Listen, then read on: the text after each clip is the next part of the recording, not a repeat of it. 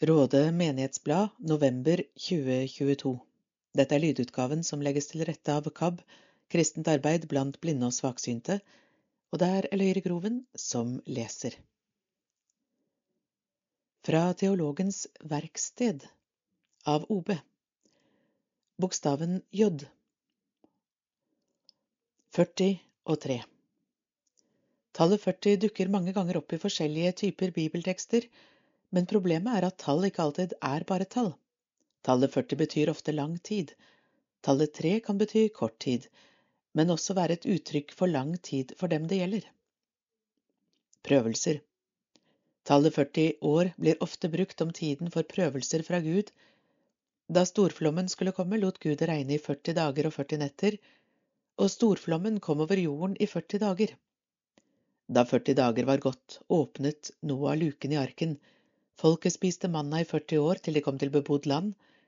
Da Moses steg opp på fjellet Sinai for å møte Gud, var han der i 40 dager og 40 netter.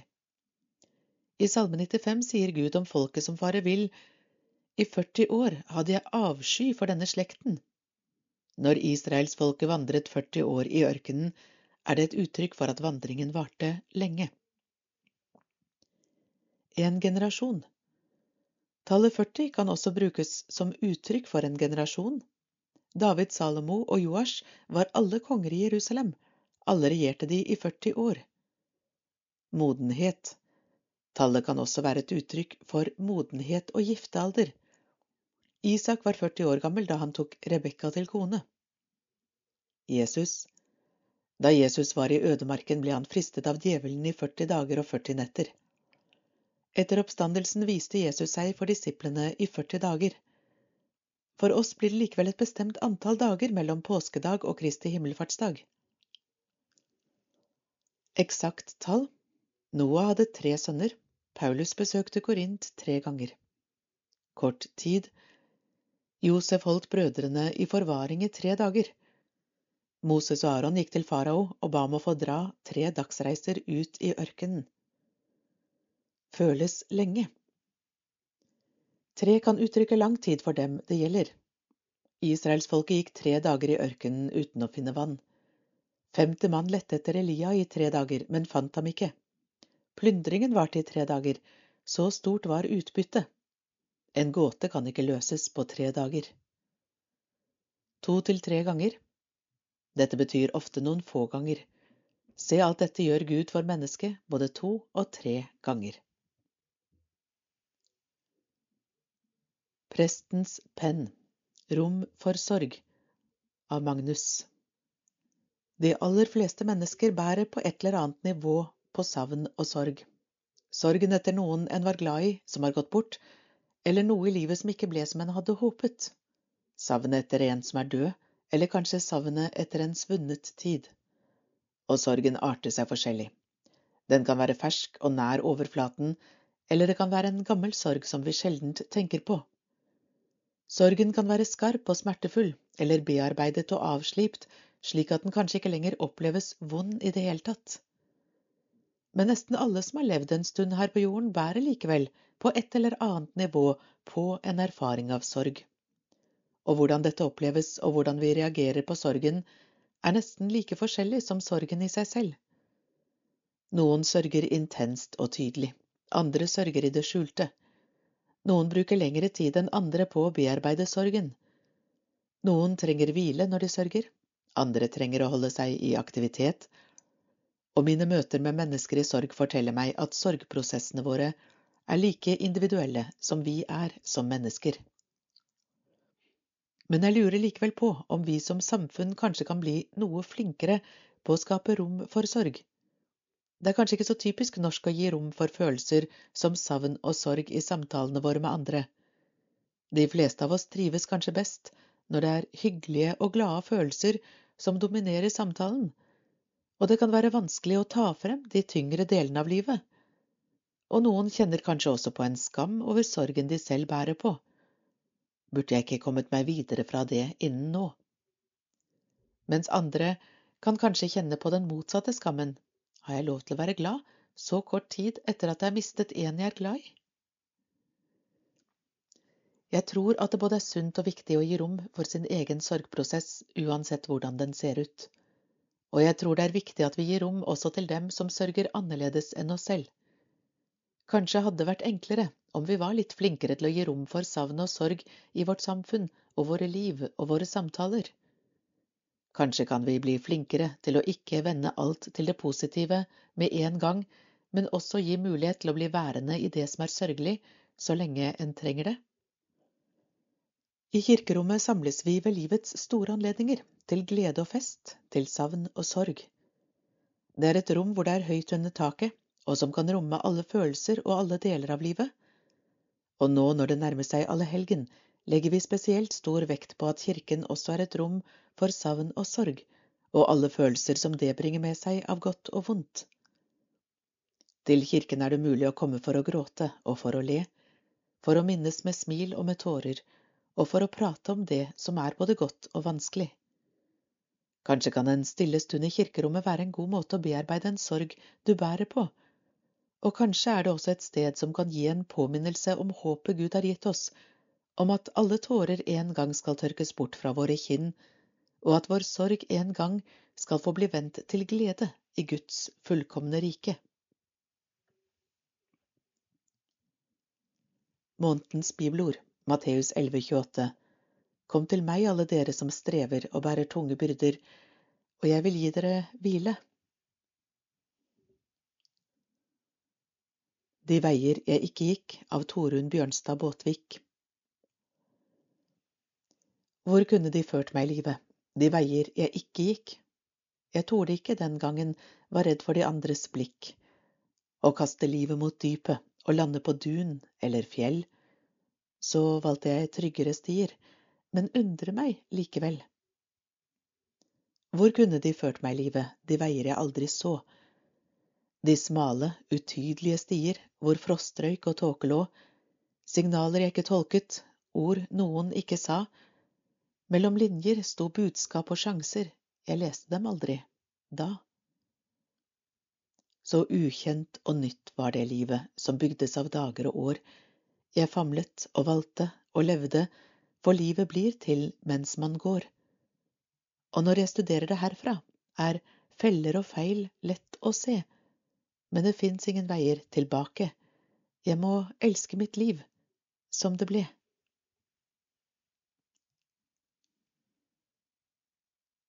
På kirkevergens bord av Dag Øystein, kirkeverget daglig leder. Vinteren står for døren, og mange forbereder seg på mer innetid og samtidig strømøkonomisering. Vanskelige tider øker vår kreativitet, og det samme skjer med oss som jobber i Råde menighet. Hvordan møte de høye kostnadene som ser ut til å holde seg i lang tid fremover? I 2022 jobber vi for å få installert varmestyringsanlegg i Råde kapell og bytte ut alle pærer i kirkene våre med LED-lys. Dette har stor betydning for strømbruket. 120 lyspærer på 40 watt utgjør mye. Fellesrådet vurderer nå hvordan vi skal benytte våre bygg fremover, og det kan hende at vi eksempel må benytte noen av byggene mer enn andre for å spare strøm. Vi gjorde det samme i en periode som et koronatiltak i 2020 og 2021, og rådesokningene forsto dette godt. Vi håper eventuelle nye tiltak grunnet strømsparing vil bli møtt med stor forståelse. I Råde kirke og på kirkegården er kommet ny belysning av alterpartiet og korbuen, og sakristiet pusses opp. Vi håper at sakristiet blir ferdig i løpet av høsten.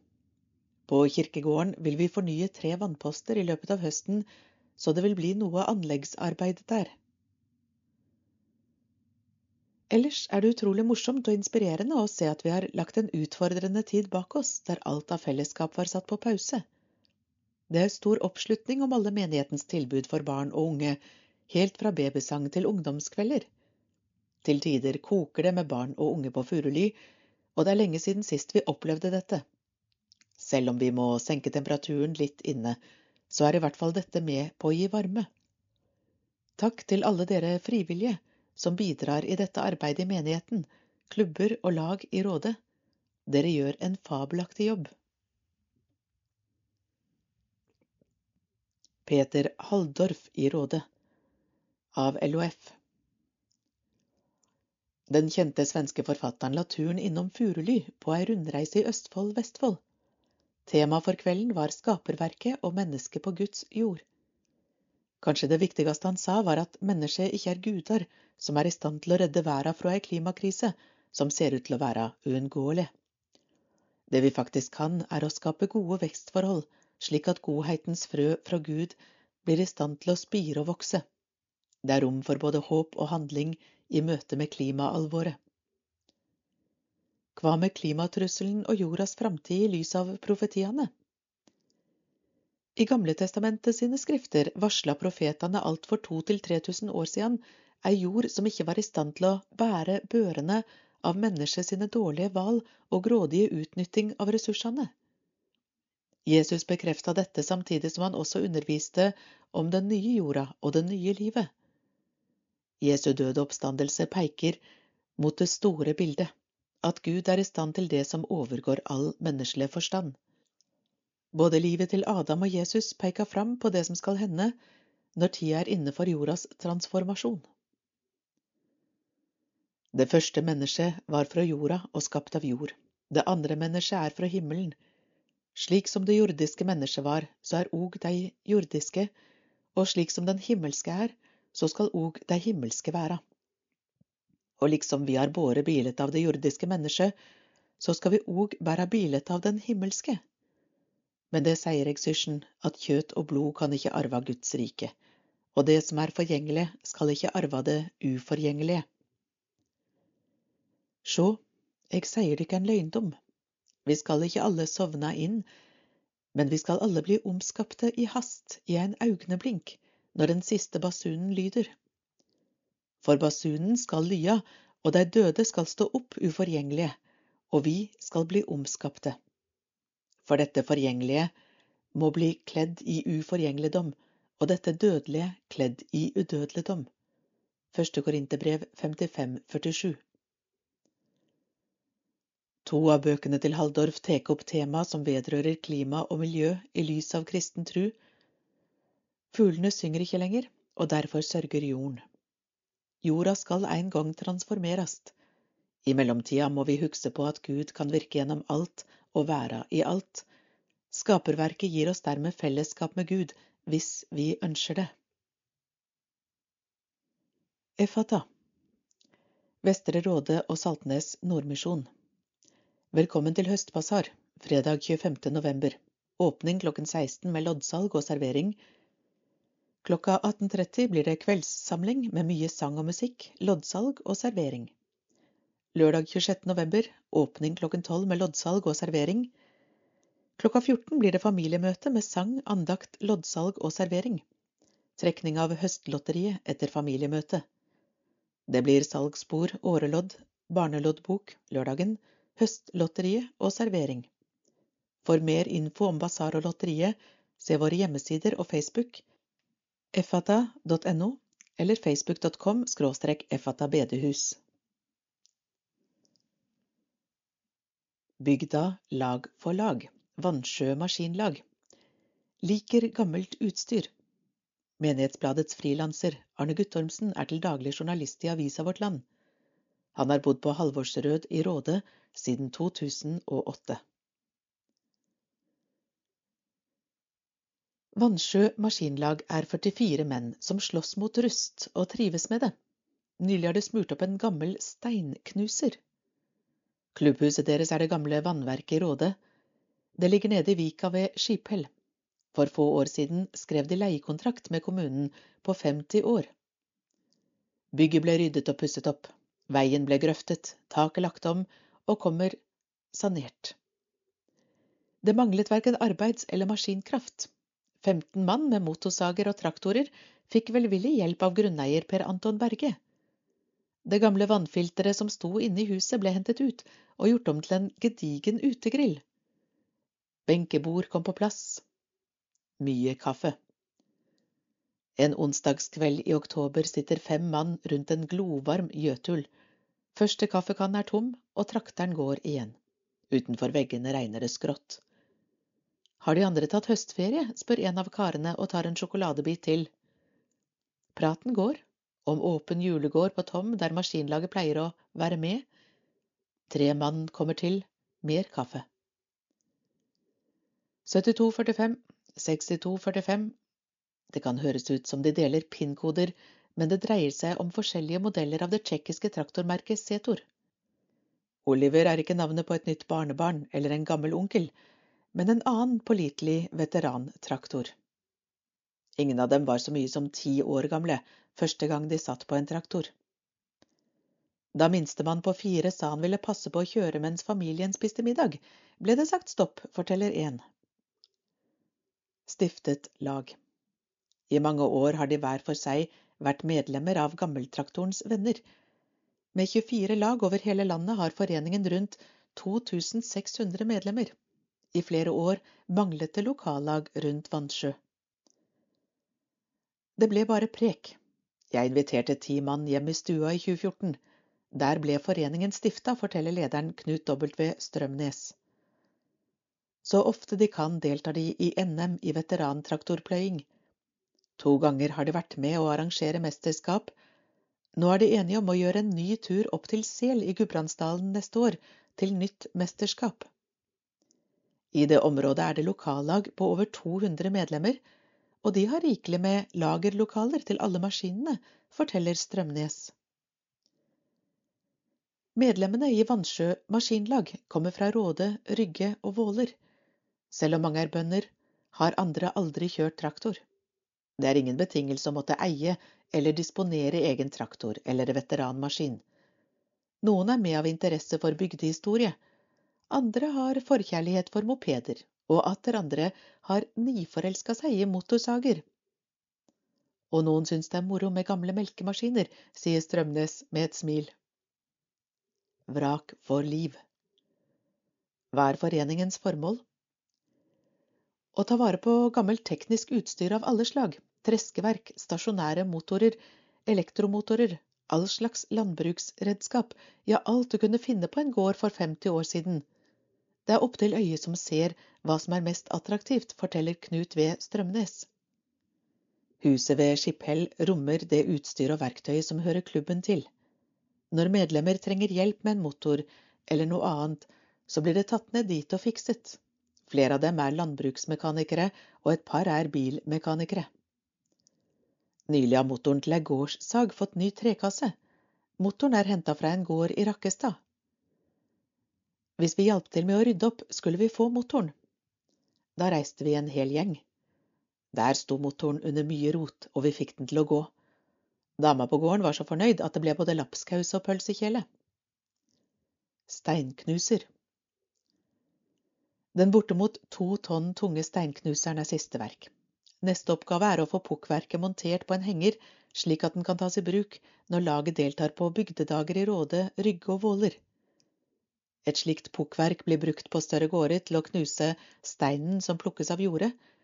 Den knuste steinen brukes til å gruse opp veiene, forteller Strømnes. Stadig blir de kontaktet av folk som gjerne vil gi bort gammelt landbruksutstyr og maskiner. Mye har de måttet si nei til, både av plassmangel og fordi de har slikt utstyr allerede. I klubbhuset er det ikke lagerplass til annet enn gamle landbruksbrosjyrer og dokumenter. Traktorer og maskiner er lagret hjemme hos medlemmene. Sammen med en moderat medlemsavgift er det dugnadsarbeid som får økonomien til å gå rundt. På Facebook kan maskinlaget se ut som ei privat gruppe. Hvordan blir man med? Her er alle hjertelig velkomne. Det er bare å bli medlem. Vi deler ut invitasjoner på bygdedager og andre arrangementer vi er med på, sier Knut W. Strømnes.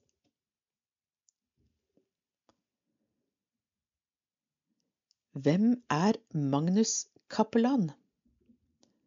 Av KM Sundby. Faktaboks Magnus Grøvle Vesterås, født i 1990, kommer fra Sandnes i Rogaland hadde sin første arbeidsdag som ny kapellan i Råde 15. august. Matematikk eller teologi? Egentlig ville jeg bli matematiker, men så ble jeg i stedet prest, og det er jeg glad for, sier den nye kapellanen i Råde, Magnus Grøvle Vesterås. En ungdomsleder hjemme i Sandnes utfordret han i ungdomstiden på å bli prest, men det var han sikker på at han ikke skulle. Han var jo så glad i matematikk. Noen år senere ble det allikevel teologistudie på Menighetsfakultetet. Etter endt militærtjeneste og personlige erfaringer fra et år på folkehøyskole klarte Magnus ikke å legge fra seg tanken på teologi. Jeg kan jo studere teologi uten å bli prest, var min tanke, men kort tid etter var jeg forelsket i faget. Lysten til å bli prest bare vokste fram. Jo, jeg kan savne matte av og til, men da hygger jeg meg med litt mattevideo på YouTube, smiler den nye presten. Så mye himmel over Råde. På et tidspunkt i studiet møtte han Gunhild Arntzen Grøvle fra Råde, og her er kortutgaven av kjærlighetsfortellingen. I juni 2016 ble de viet i Tom kirke. Året etter ble de begge ordinert til prest i samme kirke. Vi har hatt to fine og store dager i Tom kirke, så derfor er det ekstra flott å være tilbake her i Råde. Begge har i en femårsperiode hatt prestetjeneste i Indre Østfold, i Eidsberg og Rakkestad. Jeg var glad i Eidsberg, men da kapellanstillingen ble utlyst i Råde, ble lysten stor på å jobbe her. Hva er så bra med Råde? Jeg trives veldig godt i halvurbane bygder.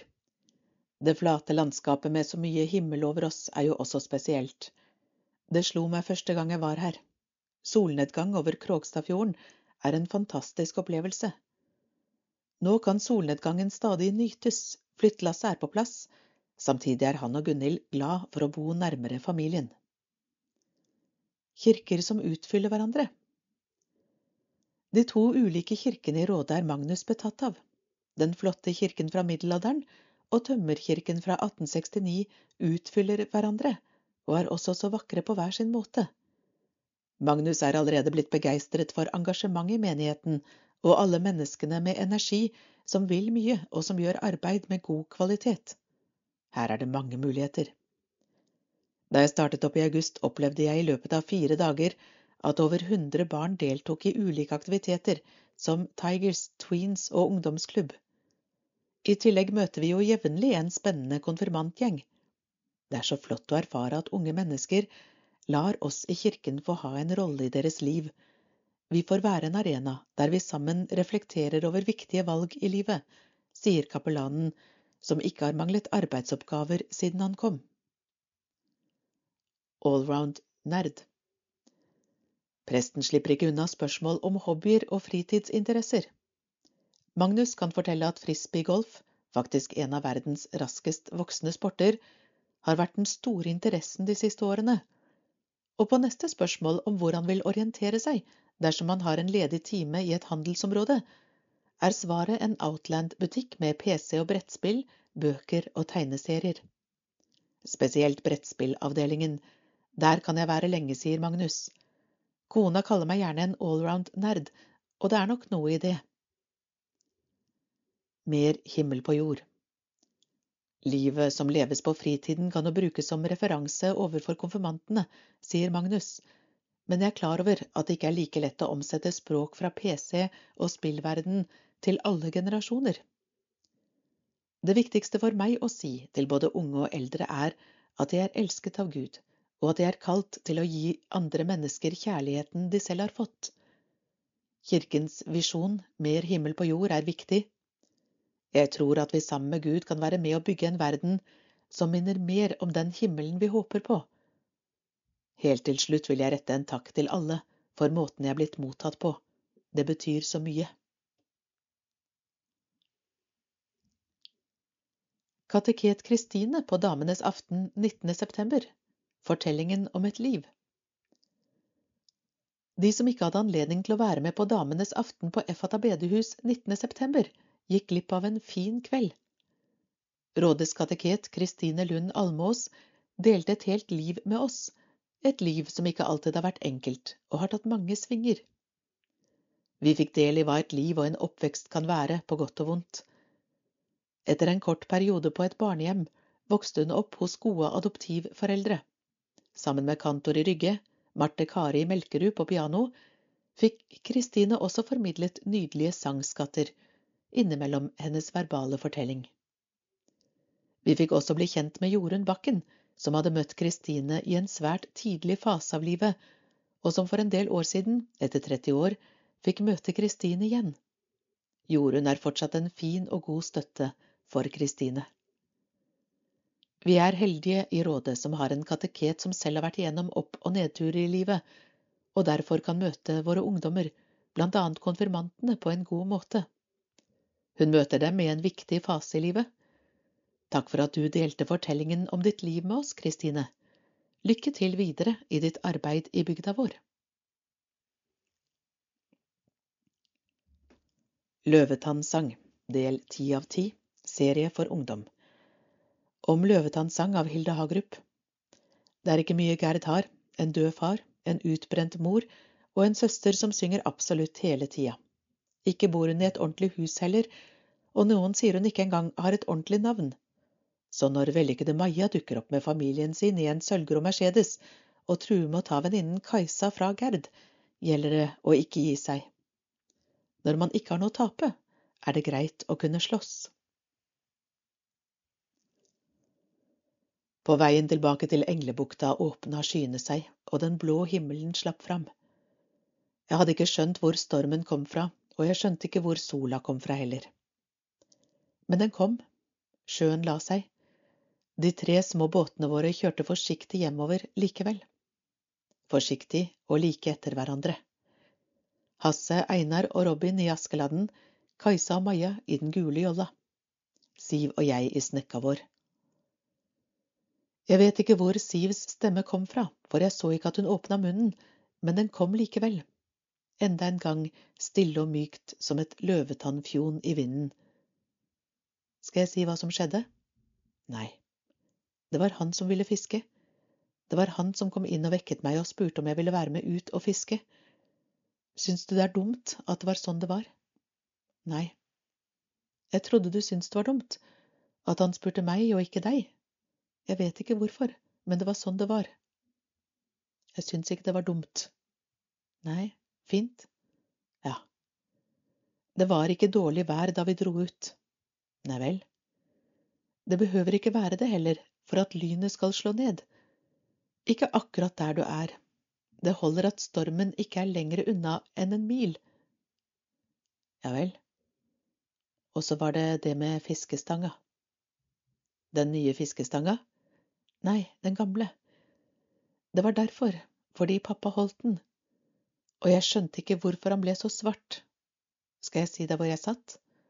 Jeg satt på plastlokket. Å? Jeg satt på det blå plastlokket i den gule båten, og kanskje det var derfor jeg ikke ble truffet da det smalt. Når hoppa du ut? Da vi runda skjæret utafor Nordvik og jeg skjønte at han ikke kom til å våkne. Og så fløt du i land. Så fløt jeg i land. Men hvorfor sang du? Vet du ikke det? Jeg rista på hodet. Jeg sang en løvetannsang. Så englene skulle høre deg?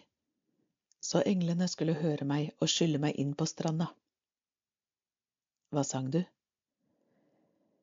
Jeg sang eh, Pål sine høner. På haugen ut slepte, sa jeg. Høna så lett over haugen hun sprang, sang Siv. og det var siste gang jeg hørte søsteren min synge. Faren min ble truffet av lynet to dager før han skulle ha fylt 30 år. Jeg var der ikke, men jeg vet hva som skjedde, og jeg kan se det for meg. Spesielt hvis jeg lukker øya. Jeg ser faren min som lister seg inn på rommet til Siv og meg. Det er tidlig om morgenen, og han er barbeint og har olabukser med malingsflekker på knærne. Det lukter kaffe av ham, og han har ennå ikke gredd seg. Han blir stående i døra og se på oss, Siv og Gerd som sover i køyesenga. Vi er søstre, men vi ser ikke sånn ut, vi ligner ikke. Siv er glatt i håret og glatt i huden, og hun ligger med dyna rett under haka og henda folda over magen, og hun snorker bare så vidt. Jeg har revet av lakenet og samla dyna i en klump under meg, og jeg ligger på magen, og jeg gnisser tenner, og innimellom drar jeg i madrassen. Jeg snakker i søvne. Faren min blir stående og lytte en stund, men det er ikke mulig å tyde hva jeg sier. Til slutt gir han opp. Han går mot køyesenga i stedet, lister seg forsiktig over gulvet så det ikke skal knirke og vi skal våkne. løfter føttene bare så vidt og lar dem gli over de kalde plankene, stopper når hodet hans er ved siden av hodet til søsteren min, så nære at han kan hviske til henne, nesten uten å måtte åpne munnen, Siv, ja, er du våken? Siv setter seg opp. Nå er jeg våken. Hør på Gerd. Faren min og søsteren min er stille en stund, de hører på meg som snakker i søvne. De ler, men de ler inni seg, for de vil ikke vekke meg, for jeg sover så tungt, og det er helg. Hva tror du hun drømmer, sier pappa. Jeg tror hun drømmer om å fiske, svarer Siv. Skal vi overraske henne? Hvordan da? Skal du og jeg dra ut og fiske frokost til henne? Makrell, sier Siv. Makrell, sier pappa. Jeg venter på deg i stua.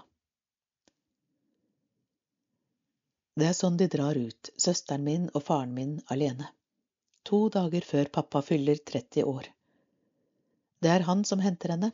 Han henter ikke meg, han henter søsteren min. Han tar med seg den grå fiskeveska, den rosa bøtta, de store, grønne gummistøvlene med hull i sålen og søsteren min. Så drar han ut i den gule båten og blir borte for bestandig. Hvis ikke faren min hadde forsvunnet, hadde det vært han som hadde hjulpet Maja dem med huset på rellingen. Men han forsvant, i den gule båten, i det gule lynet, blant bølgene ved Utgårdsskjær. Dagen etter henta Siv den nye fiskestanga fra kottet. Hun tok den med ut til et av svabergene ved Englebukta, brakte den i biter og kasta bitene på sjøen. Det var sånn det var. Sånn kommer det til å være i hundre millioner år, det hjelper ikke hva jeg forestiller meg. Jeg var ikke der, og det er ikke noe jeg kan gjøre. Vi så dem da vi runda svabergene ved Englebukta. De venta på oss, mamma og Maria og Svein Hakan og foreldrene til Maja og foreldrene til Einar og Hasse og en liten jente uten hake og en sykebil. Og da vi var i land, kom mamma bort og klemte oss hardt, hardt og sa at vi var skjønne. Noen skjønne unger var vi, og så redd hun hadde vært.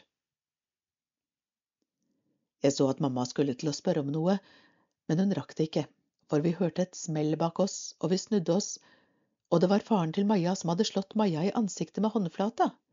Kajsa kvakk. Mamma prøvde å snu hodet mitt en annen vei, men jeg så det røde merket idet det tok form. Merket av en rød hånd på Majas kinn. En Maja på Maja og jeg lurte på hva som var hva, og hvem som var hvem. Kjære hummeren, her kommer stilen om noe jeg angrer på, og jeg vet at den kommer for seint, men den kommer i hvert fall. Jeg gidder ikke å få dritt til høsten for at jeg ikke har gjort leksene når jeg har gjort dem. Hvis jeg kommer tilbake til høsten, for det er ikke sikkert, for farmor har testamentert bort huset vårt til Santalmisjonen, og vi vet ikke ennå om advokatene går med på at det ikke bare var hjertet hennes det var noe galt med, men hodet også. Vi vet ikke om advokatene går med på at farmor var senil. Det går bedre med Siv, men farmor døde samme dag som Sørvik kveld hadde sommerfest. Ingrid Larsen, 15. juni. Det var en fin fest likevel. Jeg laga en krans av løvetann og la den i vann. Vet du hva som skjer med løvetannstilker når du legger dem i vann? De krøller seg. Jeg vet at stilen ikke er sånn du hadde tenkt, men den er i hvert fall helt sann, og jeg synes det skal telle for noe at man ikke smisker og ljuger, men sier ting som de er. Noe jeg angrer på av Gerd Anette Larsen. Jeg vet hva du vil jeg skal angre på, og jeg vet hvorfor også. Du vil jeg skal angre på at jeg tvang Kajsa til å spise maur og var stygg i kjeften mot Siv og prøvde å slå i stykker Maja. Og det er fordi du vil at jeg skal bli tilgitt av Jesus og komme til himmelen? Kanskje ikke til den store himmelen, der Gud og farmor og alle de gamle kristne folka fra bedehuset er, men i hvert fall til den lille himmelen, som er over Englebukta. Du tenker deg at jeg kan flakse omkring og være på englevakt sammen med faren min, regner jeg med. Jeg kan passe på alle de gretne snørrungene, som springer omkring på Sørvik, tenker du. Og det er snilt tenkt, men sånt går bare hvis du tror på Gud, og det vet jeg ikke om jeg gjør. Jeg tror i hvert fall ikke på å brenne i helvete, og dessuten angrer jeg ikke. Ikke på det med Maja, og ikke på det med Kajsa heller, og i hvert fall ikke på den sure tonen. Jeg syns den er bra å ha.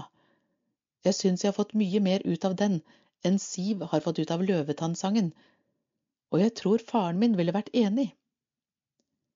Jeg tenker ikke så mye på pappa lenger, i hvert fall ikke hele tida, og det er kanskje også galt, syns du? Og noen ganger angrer jeg litt på det, men jeg har ikke glemt ham. Jeg kan bare ikke tenke på ham hele tida, for sånt kan du bli gæren av. Så egentlig angrer jeg ikke på det heller. I hvert fall ikke så mye at jeg får vondt i magen av det. Og det var alt. Hilsen Gerd. Da Siv ble bra i hodet og slutta å synge, ble hun sjuk i lungene. Men det var bare lungebetennelse, og det varte bare to uker. På en måte var det rart, for det var jeg som hoppa fra stupesteinen, og jeg ble altså ikke sjuk. Det var Siv som ble liggende, liten og blek under dyna i overkøya. Jeg holdt henne i hånda, enda jeg trengte begge hendene for å holde balansen, for jeg måtte stå ytterst på min egen madrass for å kunne se opp til henne men hun stoppa meg ikke, og da kunne jeg ikke la meg selv falle. Hvor mye savner du ham, Siv? Mamma trodde ikke helt på at Siv aldri kom til å få noe tilbakefall, så jeg hadde lovet henne at jeg ikke skulle snakke om pappa, men jeg hadde ikke skjønt hva jeg lovet. Jeg hadde lovet noe som var umulig å holde. Savner du ham veldig? Siv nikka. Noen ganger, hviska Siv, så tenker jeg at jeg har funnet en liten del av båten. Jeg tenker at jeg har funnet en trebit som hørte til baugen, eller en del av rekka. Jeg er helt sikker på at det er sånn det er, og så blir jeg sittende på stranda og vente og vente på at resten skal skylle i land. Og jeg tenker at fordi jeg sitter på Englebukta, er det kanskje en sjanse, for alle vet at Englebukta har englevakt. Og noen ganger tenker jeg at de ikke er helt ferdige at de bare bruker litt lang tid på akkurat pappaen vår. Jeg nikka og klemte hånda hennes, hardt, hardt i hånda mi, og så kom jeg på noe annet jeg ville spørre om. Du, Siv? Ja? Hvorfor er du så veldig forelska i Robin? Jeg hadde sett dem sitte på brygga den kvelden vi kom tilbake fra Utgårdsøy. De sang ikke, men Siv hadde lagt hodet sitt på skuldra til Robin André og jeg hadde håpet at hun skulle si noe om hvorfor hun likte ham så veldig. Jeg hadde en følelse av at det var noe jeg ikke fikk tak i, og jeg ville at Siv skulle forklare, men det ville ikke hun. Hun begynte å hoste i stedet. Så bøyde hun seg mot veggen og tok opp noe fra sekken som hun hadde ved siden av puta. Jeg fikk noe av farmor, sa Siv. Hun rakte meg et lite kort. På den ene siden sto Rellingen skole, under Rellingens skole var det små firkanter med røde kryss i. På den andre siden var et bilde av Jesus og lammene. Oppå lammene hadde noen skrevet Jørgen Larsen med barnslig skrift. Det var pappas melkekort, sa Siv. Fra Rellingen. Jeg strøk fingertuppene over det gule papiret og prøvde å se for meg farmor som gjorde noe hyggelig. Det var ikke så veldig lett, men til slutt fikk jeg det til. Jeg så for meg at farmor var rynkete og liten, og hun hadde øyne som var gule der de skulle være hvite, men hun var ikke bare stygg.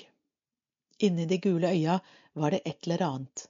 I midten av det gule skinte det noe, og det som skinte var blått. Jeg tenkte meg at Siv satt på sengekanten hennes og holdt henne i hånda, og akkurat da var det helt stille på sykehuset. Akkurat da løp ingen gjennom korridorene. Det var ingen lyd fra maskinene. Det var bare Siv og farmor og hjertene deres som dunka i takt. Farmors stygge, lille hjerte. Sivs store hjerteklump. Det var da jeg tenkte meg at farmor ga henne melkekortet. Jeg fingra med det gule papiret og kjente at det var tørt og ruglete under huden. Vi fikk ta farmor rett før hun døde. Ikke jeg, sa jeg. Ok, sa Siv. Kanskje hun ga det til meg, men jeg vil at vi skal ha det sammen. Jeg nikka. Det er fint, sa jeg. Kom opp hit, sa Siv og flytta seg bortover. I overkøya? Hun nikka. Så klatret jeg opp og la meg inn under dyna i overkøya til Siv og hun strøk meg over håret og fortalte hvor søt jeg hadde vært da jeg var liten, og at det første hun husket, var da hun var tre år og jeg var baby og hun fikk holde meg i fanget og leke at jeg var hennes dukke.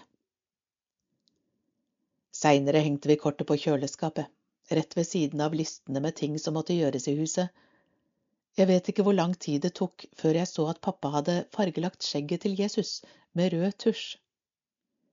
Jeg hadde håpa at Kajsa skulle si nei da foreldrene til Maja inviterte henne med på sommerferie, men det gjorde hun ikke. Hun sa ja, tusen takk. De hadde en hytte ved en annen strand, og Kajsa kom bort til meg for å få hjelp til å velge hvilke klær hun skulle ha med. Stakkars Maja, sa Kajsa. Hvorfor det?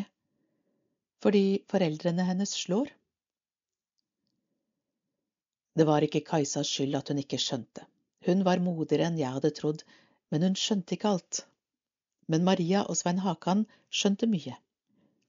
Da Maja og Kajsa hadde reist, og stranda i Englebukta var full av hyttefolk, fikk jeg jobb i kiosken. Jeg kunne trenge litt hjelp til å rydde i hyllene, sa Maria.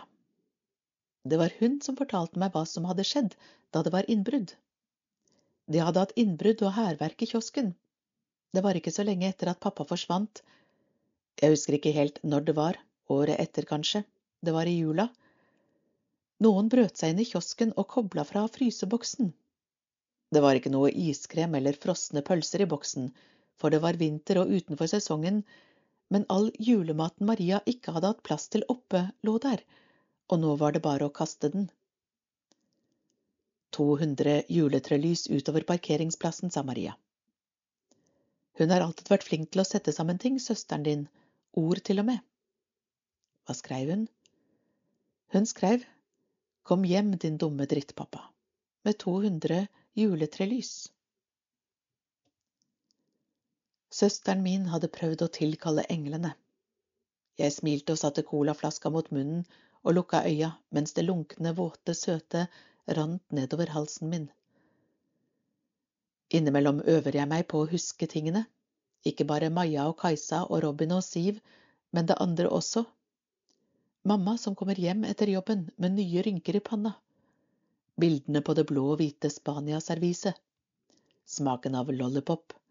Måkeskriken over Englebukta på en gjennomsiktig vårdag. Men jeg glemmer. Alt forsvinner. Det rare er at ting likevel blir klarere for hver dag som går, siden jeg slutta å springe barbeint rundt i Sørvikskogen. Jeg ser ansiktet hans tydeligere for meg. Ansiktet til en mann med rødt skjegg og blå øyne. Han har halsen pakket inn i et svart skjerf, enda det nesten er sommer. Skjerfet har jeg ennå. Noen ganger, når jeg legger meg inntil det, kan jeg fortsatt kjenne lukten av bunnsmøring, fisk og bensin. Invitasjon til tiårsfeiring av dåpsdag. Gratulerer med dåpen.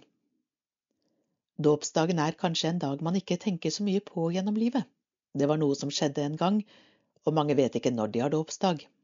Men dåpsdagen er på mange måter en minst like stor dag som fødselsdag. På dåpsdagen ble du nemlig Guds barn, og du ble tatt inn i vår menighet. Søndag 13. november inviteres du til å komme til Furuly menighetssenter, der vi skal pynte T-skjorter, spise litt og gjøre andre ting. Vi starter klokken 13 og avslutter med gudstjeneste klokken 16, der foreldre og familie er hjertelig velkomne. Jeg sender ut invitasjoner, men det kan være noen den ikke når. Derfor, er du ca. ti år, går i femte klasse og er døpt, er du hjertelig velkommen. Spre gjerne budskapet videre. Jeg håper dere har lyst til å komme til Furuly denne dagen. Vi spiser et enkelt måltid sammen, så det er fint med beskjed om allergier. Påmelding innen 6. november slik at jeg får bestilt T-skjorter. Melde dere på kan dere gjøre ved å ringe 69 29 40 34 eller 971 50 032 eller sende mail til kateket.rade.kirken.no. Hvis det av ulike årsaker er behov for noen slags tilrettelegging for at ditt barn skal kunne delta, er det bare å si fra, så finner vi gode løsninger sammen. Med vennlig hilsen, på vegne av Råde menighet, Kristine Lund Almås, kateket. Konfirmanten har vært på konfirmasjonsleir på Solbukta 16. til 18. september. Helgen var full av aktiviteter og fellesskap. Vi var utrolig heldige med været, noe som gjorde at det ble både bading og andre uteaktiviteter. Det er ikke hver konfirmasjonsleir at lunsjens siste dag inntas i badetøy fordi man glemte bort tiden mens man var i vannet. Vi hadde undervisning om dåp, bibel, gudstjeneste og laget Kristuskrans. Lørdag kveld fikk vi besøk av Ruben Gaski, som hadde show og undervisning om livet og hva som gjør oss lykkelig. Bibelsmugling fredag og andre konkurranser gjør at konkurranseinstinktet får kjørt seg. Vi avsluttet med gudstjeneste søndag. Magnus og Kristine takker alle ledere for utrolig god hjelp. Uten så gode ledere hadde det vært utfordrende for oss. Og selvfølgelig takk til gode konfirmanter. Damenes aften på Efata, mandag 21. november klokken 19 Blomsterkveld med Blomsterverket. Vi får besøk av Ann Charlotte Verket. Hun er fra Råde og har jobbet i blomsterbransjen i 14 år. I mars 2020 startet hun en blomsterbutikk i Karlshus, Blomsterverket. Hun kommer til Effata og forteller om hvordan butikkdrømmen startet, og veien til en, i dobbel forstand, blomstrende butikk med flere ansatte. Hun vil også vise oss hvordan vi kan lage buketter, kranser og pynting av julebordet. Velkommen til en inspirerende blomsterkveld. Det blir også kveldstanker, enkel bevertning og utlodning av produkter som Ann-Charlotte lager. Inngangspenger 100 kroner. Allehelgens konsert i Råde kirke 5. november klokken 17. Berit Oppheim, Åsmund Rognøy Kallestad, Nils Økland, Tor Harald Johnsen og Mikko Perkola tar oss med på en konsert bestående av norske ballader fra senmiddelalderen, engelske sanger fra 1500- og 1600-tallet og tekstresitasjon. Alt er bundet sammen ved at vi følger en pårørendes betraktninger rundt de siste timene til en navnløs person.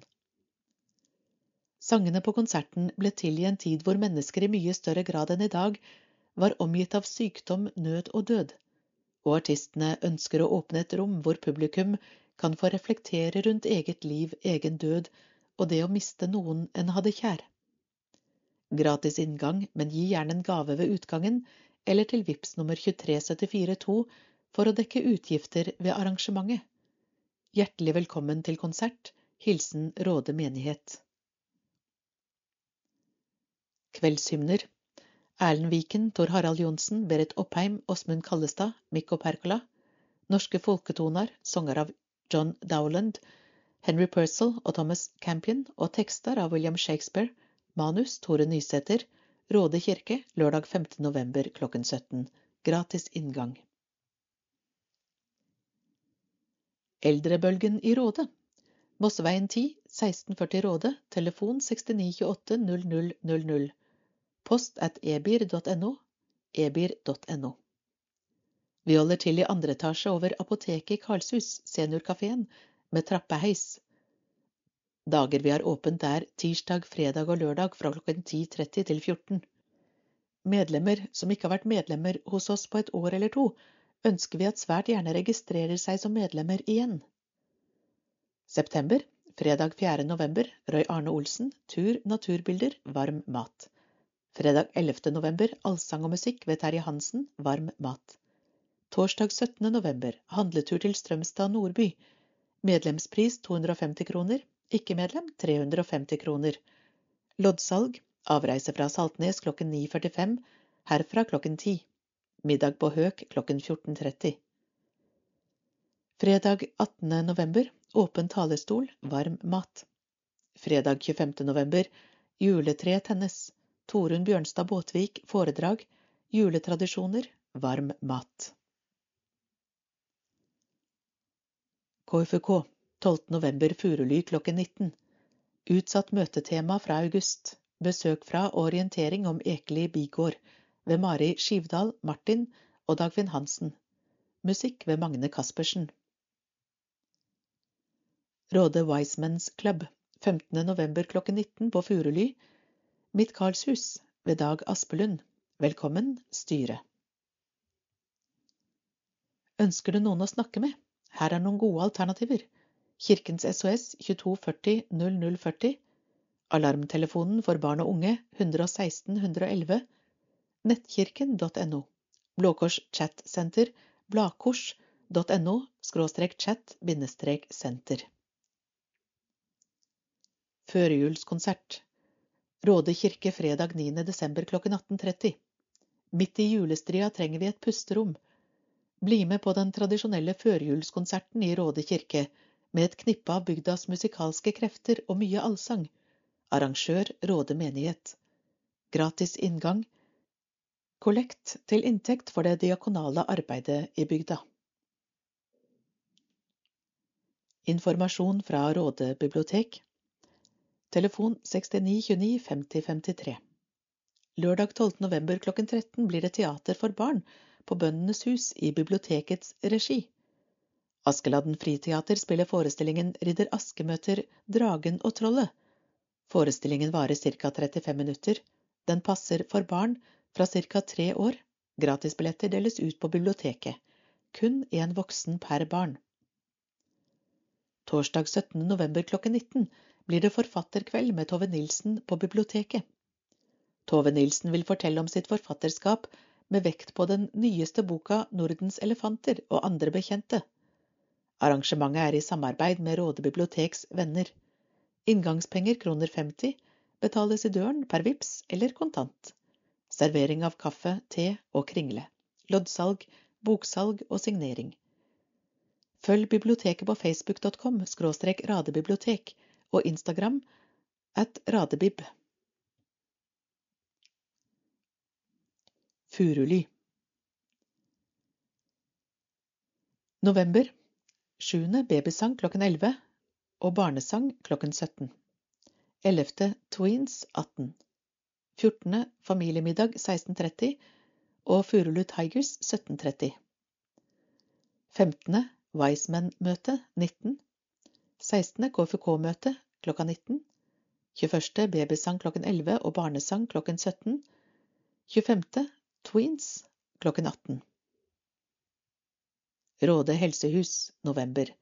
8. andakt i Storstua 11.30 og 22. andakt i Storstua 11.30. Missingmyr bedehus november. Første Nordmisjonsmøte klokken 19. 7. Miss Mini 17.30. 12. Ung lørdag 19. 13. Fakkeltog i Karlshus klokka 17. 21. Miss Mini klokka 17.30. Og 26. Ung lørdag klokken 19. Tom søndagsskole. November. 6. søndagsskolekino klokken 11. 20. adventsverksted klokken 11. Effata. Effata.no. November. Fjerde Fredagsklubben 5. til 7. klasse klokka 19. Sjette søndagsmøte klokken 18 med Sverre Fjellberg og Glenne Musikklag. Åttende kvinneforening med Astrid Bjørk Andreassen klokken 18.30. Trettende tverrkirkelig fakkeltog i Karlshus klokka 17. Femtende stille stund, bønn klokka 19. Syttende temakveld klokken 19. Lær om Cuba og smak cubansk mat. Påmelding. 18. Fredagsklubben 5. til 7. klasse klokka 19. 21. Damenes aften klokka 19. 25. og 26. basar. 30. Sangkafé. Bli med og syng klokka 19. Furuly menighetssenter. Har du behov for selskapslokaler?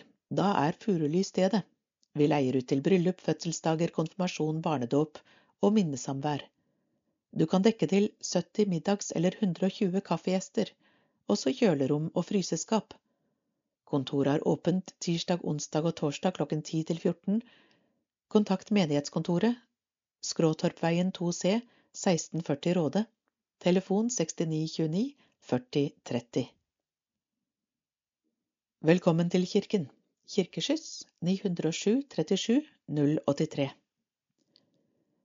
Søndag 6. november allehelgensdag, Råde kirke klokken 11. Allehelgens gudstjeneste.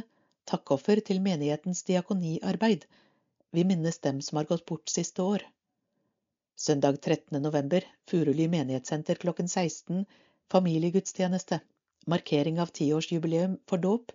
Ekko synger Takkoffer til KRIK. Søndag 20. november Råde kirke klokken 11. Gudstjeneste, dåp, markering av 50-årskonfirmanter. Takkoffer til menighetens arbeid. Torsdag 24. november Tom kirke klokken 20. Kveldsgudstjeneste. Bønnevandring og nattverd. Takkoffer til menighetens arbeid.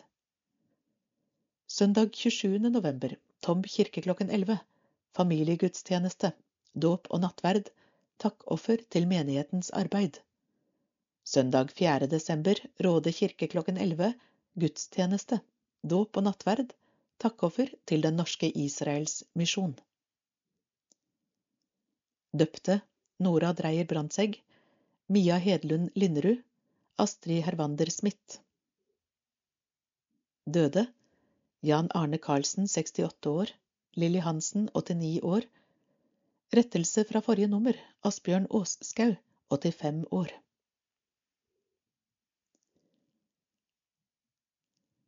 Råde menighetsblad november 2022 slutt.